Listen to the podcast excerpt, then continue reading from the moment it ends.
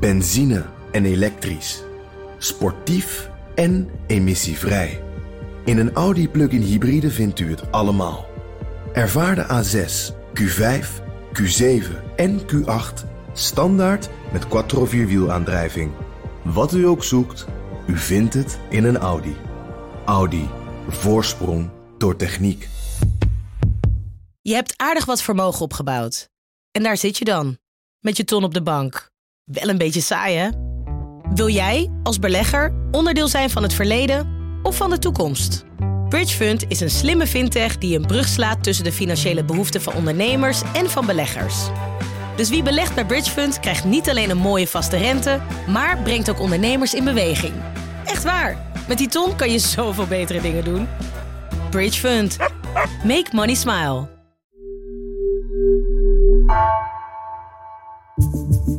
Vanaf de redactie van NRC het verhaal van vandaag.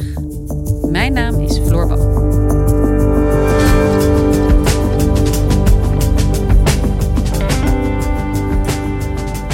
De Britse premier Boris Johnson ligt onder vuur.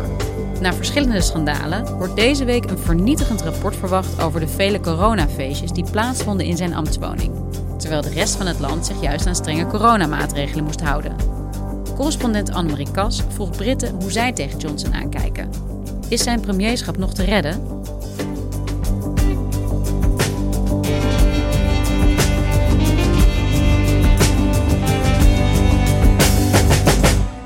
Well, I think it's a disaster, really. Um, you know, you can't have a prime minister that tells lies. I think he made a lot of mistakes on the way with that one as well. Um, so I think it's about time he went.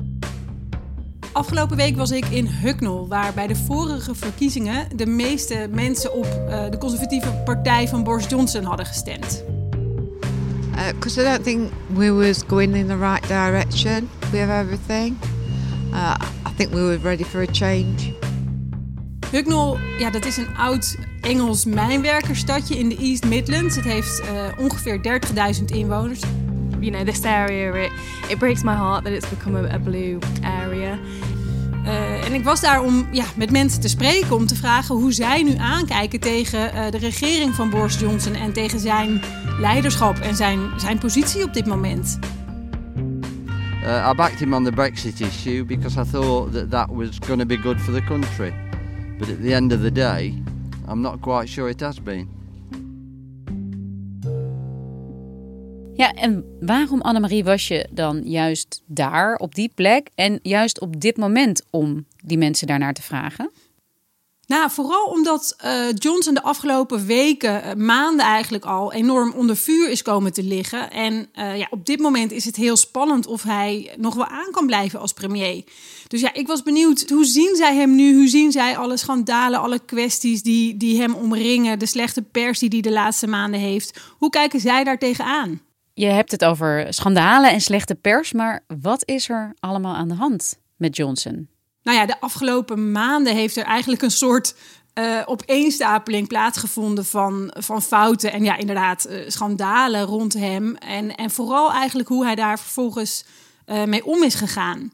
bijvoorbeeld vorig jaar november, toen speelde een kwestie rond een lagerhuislid van zijn partij, Owen Patterson. Nou, die bleek ontzettend goed betaalde bijbanen te hebben als, als consultant voor twee bedrijven. A scandal has arisen around Owen Patterson, a Tory MP accused of breaking the parliamentary code of conduct. Toen dat aan het licht kwam, uh, zou Owen Patterson worden geschorst. What's remarkable about this? Prime Minister Johnson has actually given him his support and is trying to stop the suspension. Uh, Boris Johnson probeerde om hem te beschermen en hij ja, wilde eigenlijk de regels uh, zo veranderen dat Patterson daartegen in beroep kon gaan. Maar vervolgens kwam daar veel kritiek op, omdat hij ja, een partijgenoot uh, probeerde te beschermen. En toen zei Johnson, was zijn vermeer, nee, het was helemaal niet specifiek uh, om Patterson uh, bedoeld. Hè. Het ging om de regels in het algemeen. Terwijl ja, overduidelijk was dat het wel om het beschermen van een partijgenoot ging.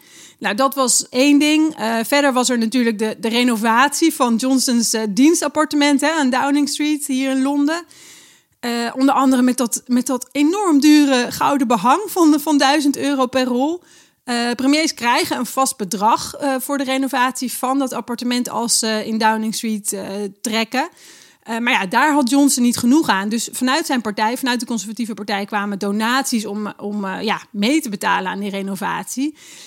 Um, daar was ook ophef over. Johnson had tegen een onderzoekscommissie gezegd dat hij niet wist van wie die donaties kwamen. Maar later bleek dat hij uitgebreid uh, ja, chatcontact had gehad met die donateur. Dat hij had uh, met die donateur over de renovatie.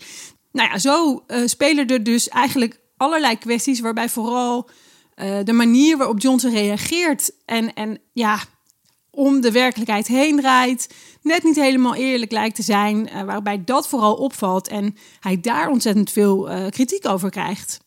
Maar goed, het schandaal dat hem eigenlijk uh, nu het duurst komt te staan, dat zijn uh, de coronafeestjes, de borrels die uh, tijdens de strenge lockdown vorig jaar en in 2020 plaatsvonden. ja, min of meer onder zijn neus in Downing Street, de ambtswoning, maar ook op andere ministeries. Werden ja, met regelmaat borrels gehouden met kaas en wijn. En dat is nu eigenlijk waar hij het meest van heeft te vrezen. Ja, want die coronafeestjes die komen de hele tijd een beetje op. Wat is het schandaal van de feestjes? Ja, er waren eigenlijk meerdere feestjes. Uh, de afgelopen weken druppelden er steeds uh, weer nieuwe nieuwtjes naar buiten over uh, borrels en feestjes in Downing Street. En een van die borrels waar het eigenlijk het meeste over gaat nu, dat is de borrel van 20 mei 2020. Dat was bij de ambtswoning van Johnson in de tuin. En dat is eigenlijk vooral omdat van die borrel hard bewijs bestaat dat het als borrel was bedoeld. Uh, de privésecretaris van Johnson, Martin Reynolds, die had een mailtje gestuurd in de middag naar ja, ongeveer 100 man uh, staf, uh, medewerkers. Met het is ook lekker weer, laten we ervan genieten. Straks een borrel in de tuin, bring your own booze.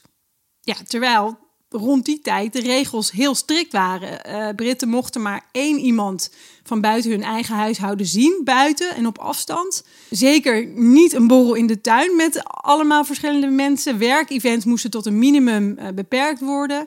Dus ja, dit was duidelijk tegen de regels van toen in. En, en Boris Johnson was daar zelf ook kort bij. Dat gaf hij ook toe in het lagerhuis.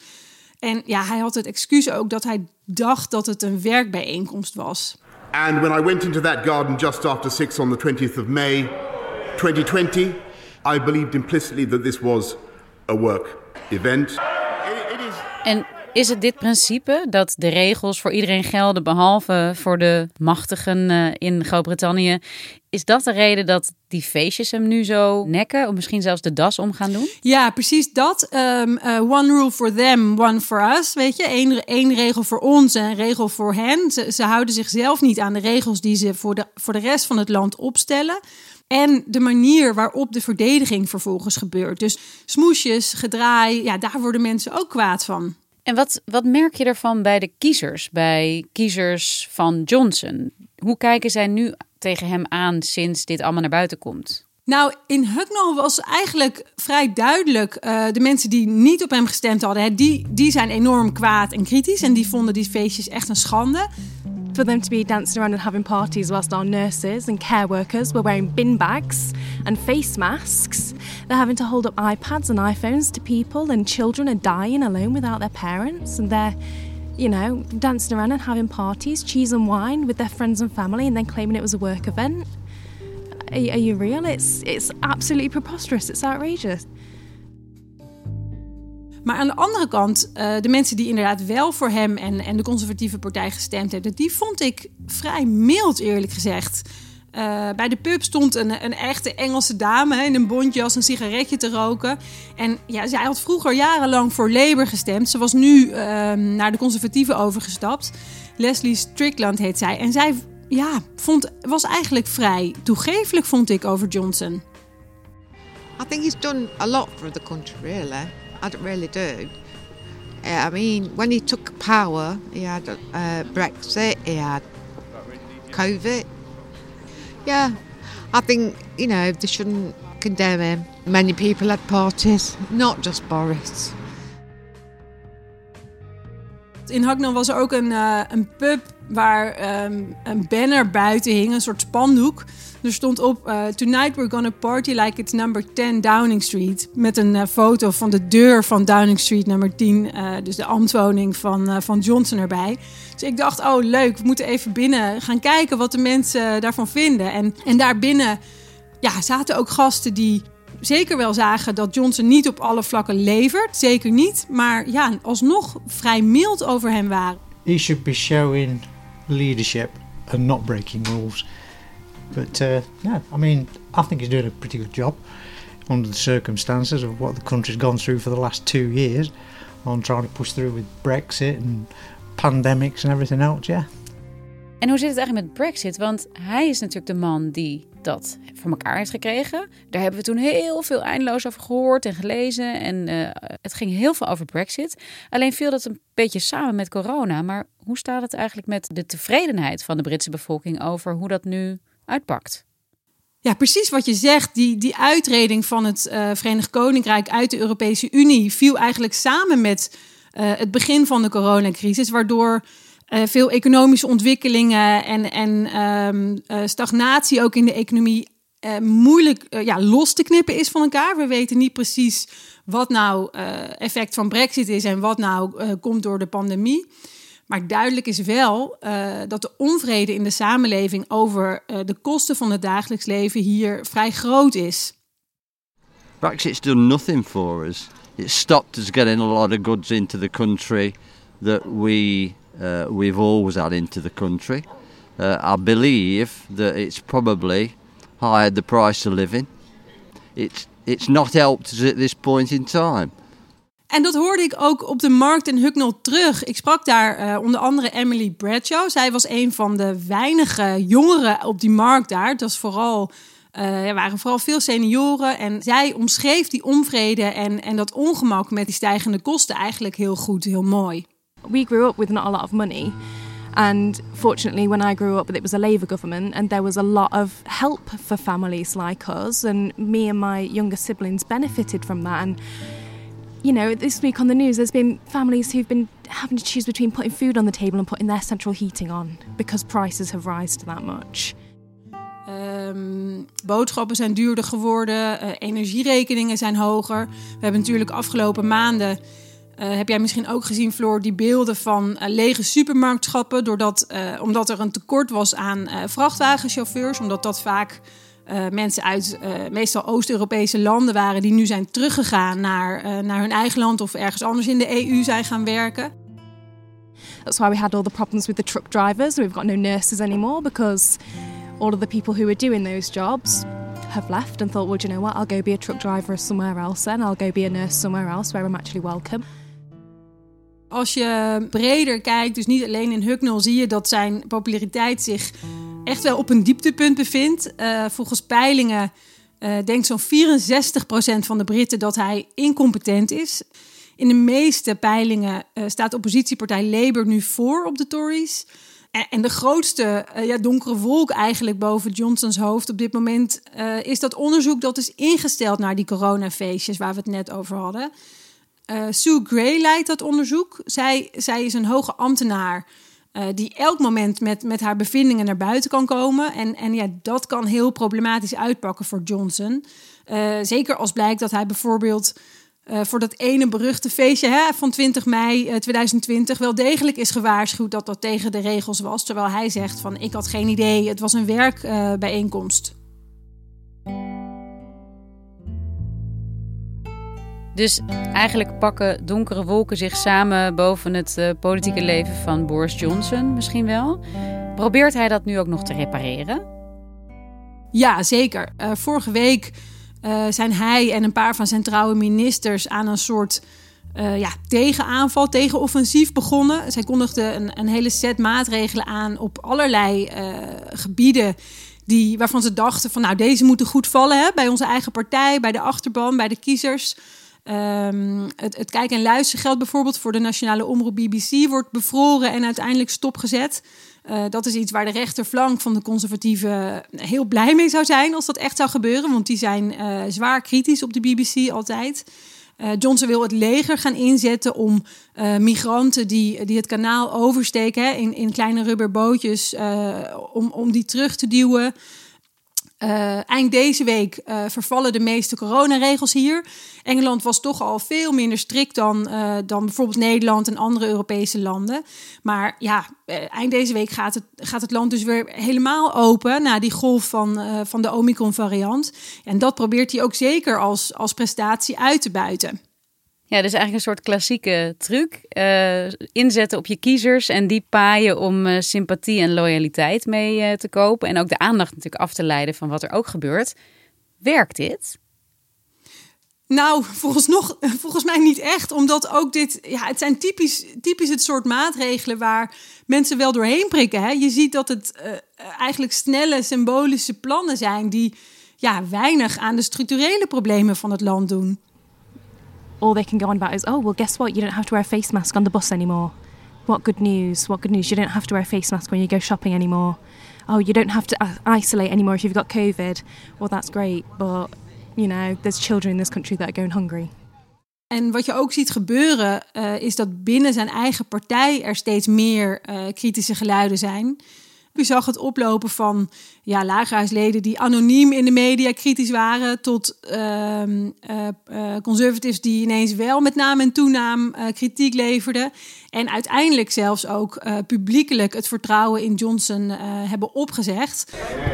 But I expect my leaders to shoulder the responsibility for the actions they take. Yesterday, he did the opposite of that. You have sat there too long for all the good you have done. In the name of God, go.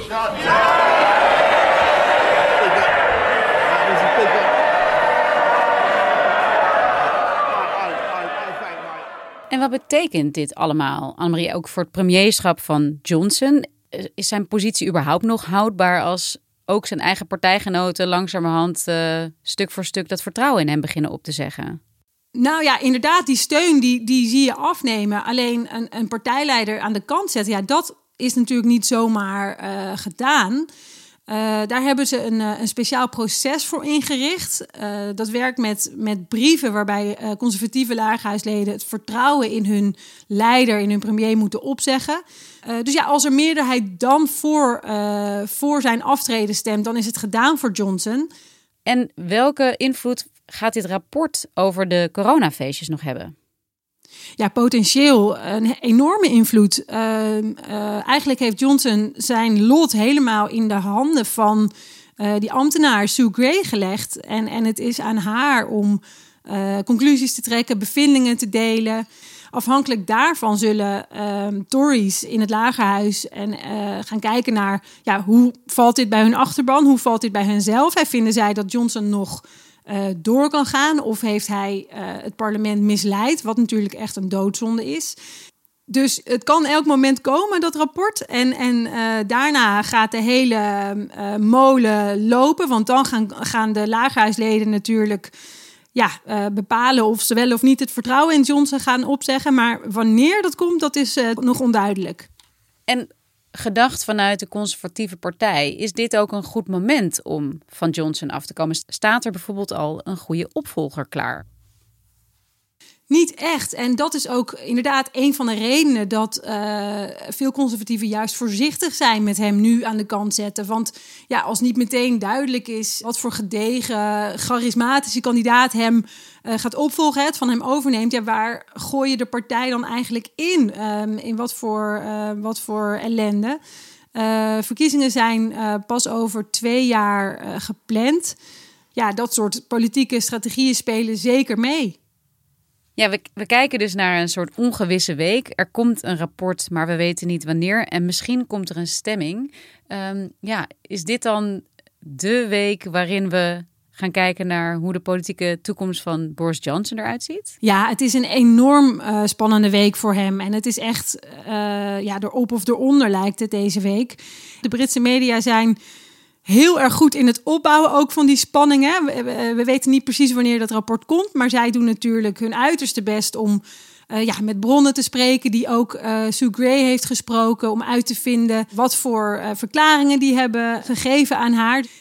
En we moeten ook niet vergeten, denk ik, dat je Boris Johnson nooit af moet schrijven. En hij heeft al zo vaak laten zien dat hij uit allerlei penibele situaties kan terugkomen. Dus we moeten hem zeker niet, uh, niet afschrijven voordat het echt gedaan is. Dan kijken we deze week naar een spannende week. Dankjewel, Annemarie. Graag gedaan. Je luisterde naar vandaag, een podcast van NRC. Eén verhaal, elke dag. Deze aflevering werd gemaakt door Anna Korterink en Stef Visjager. Dit was vandaag. Morgen weer.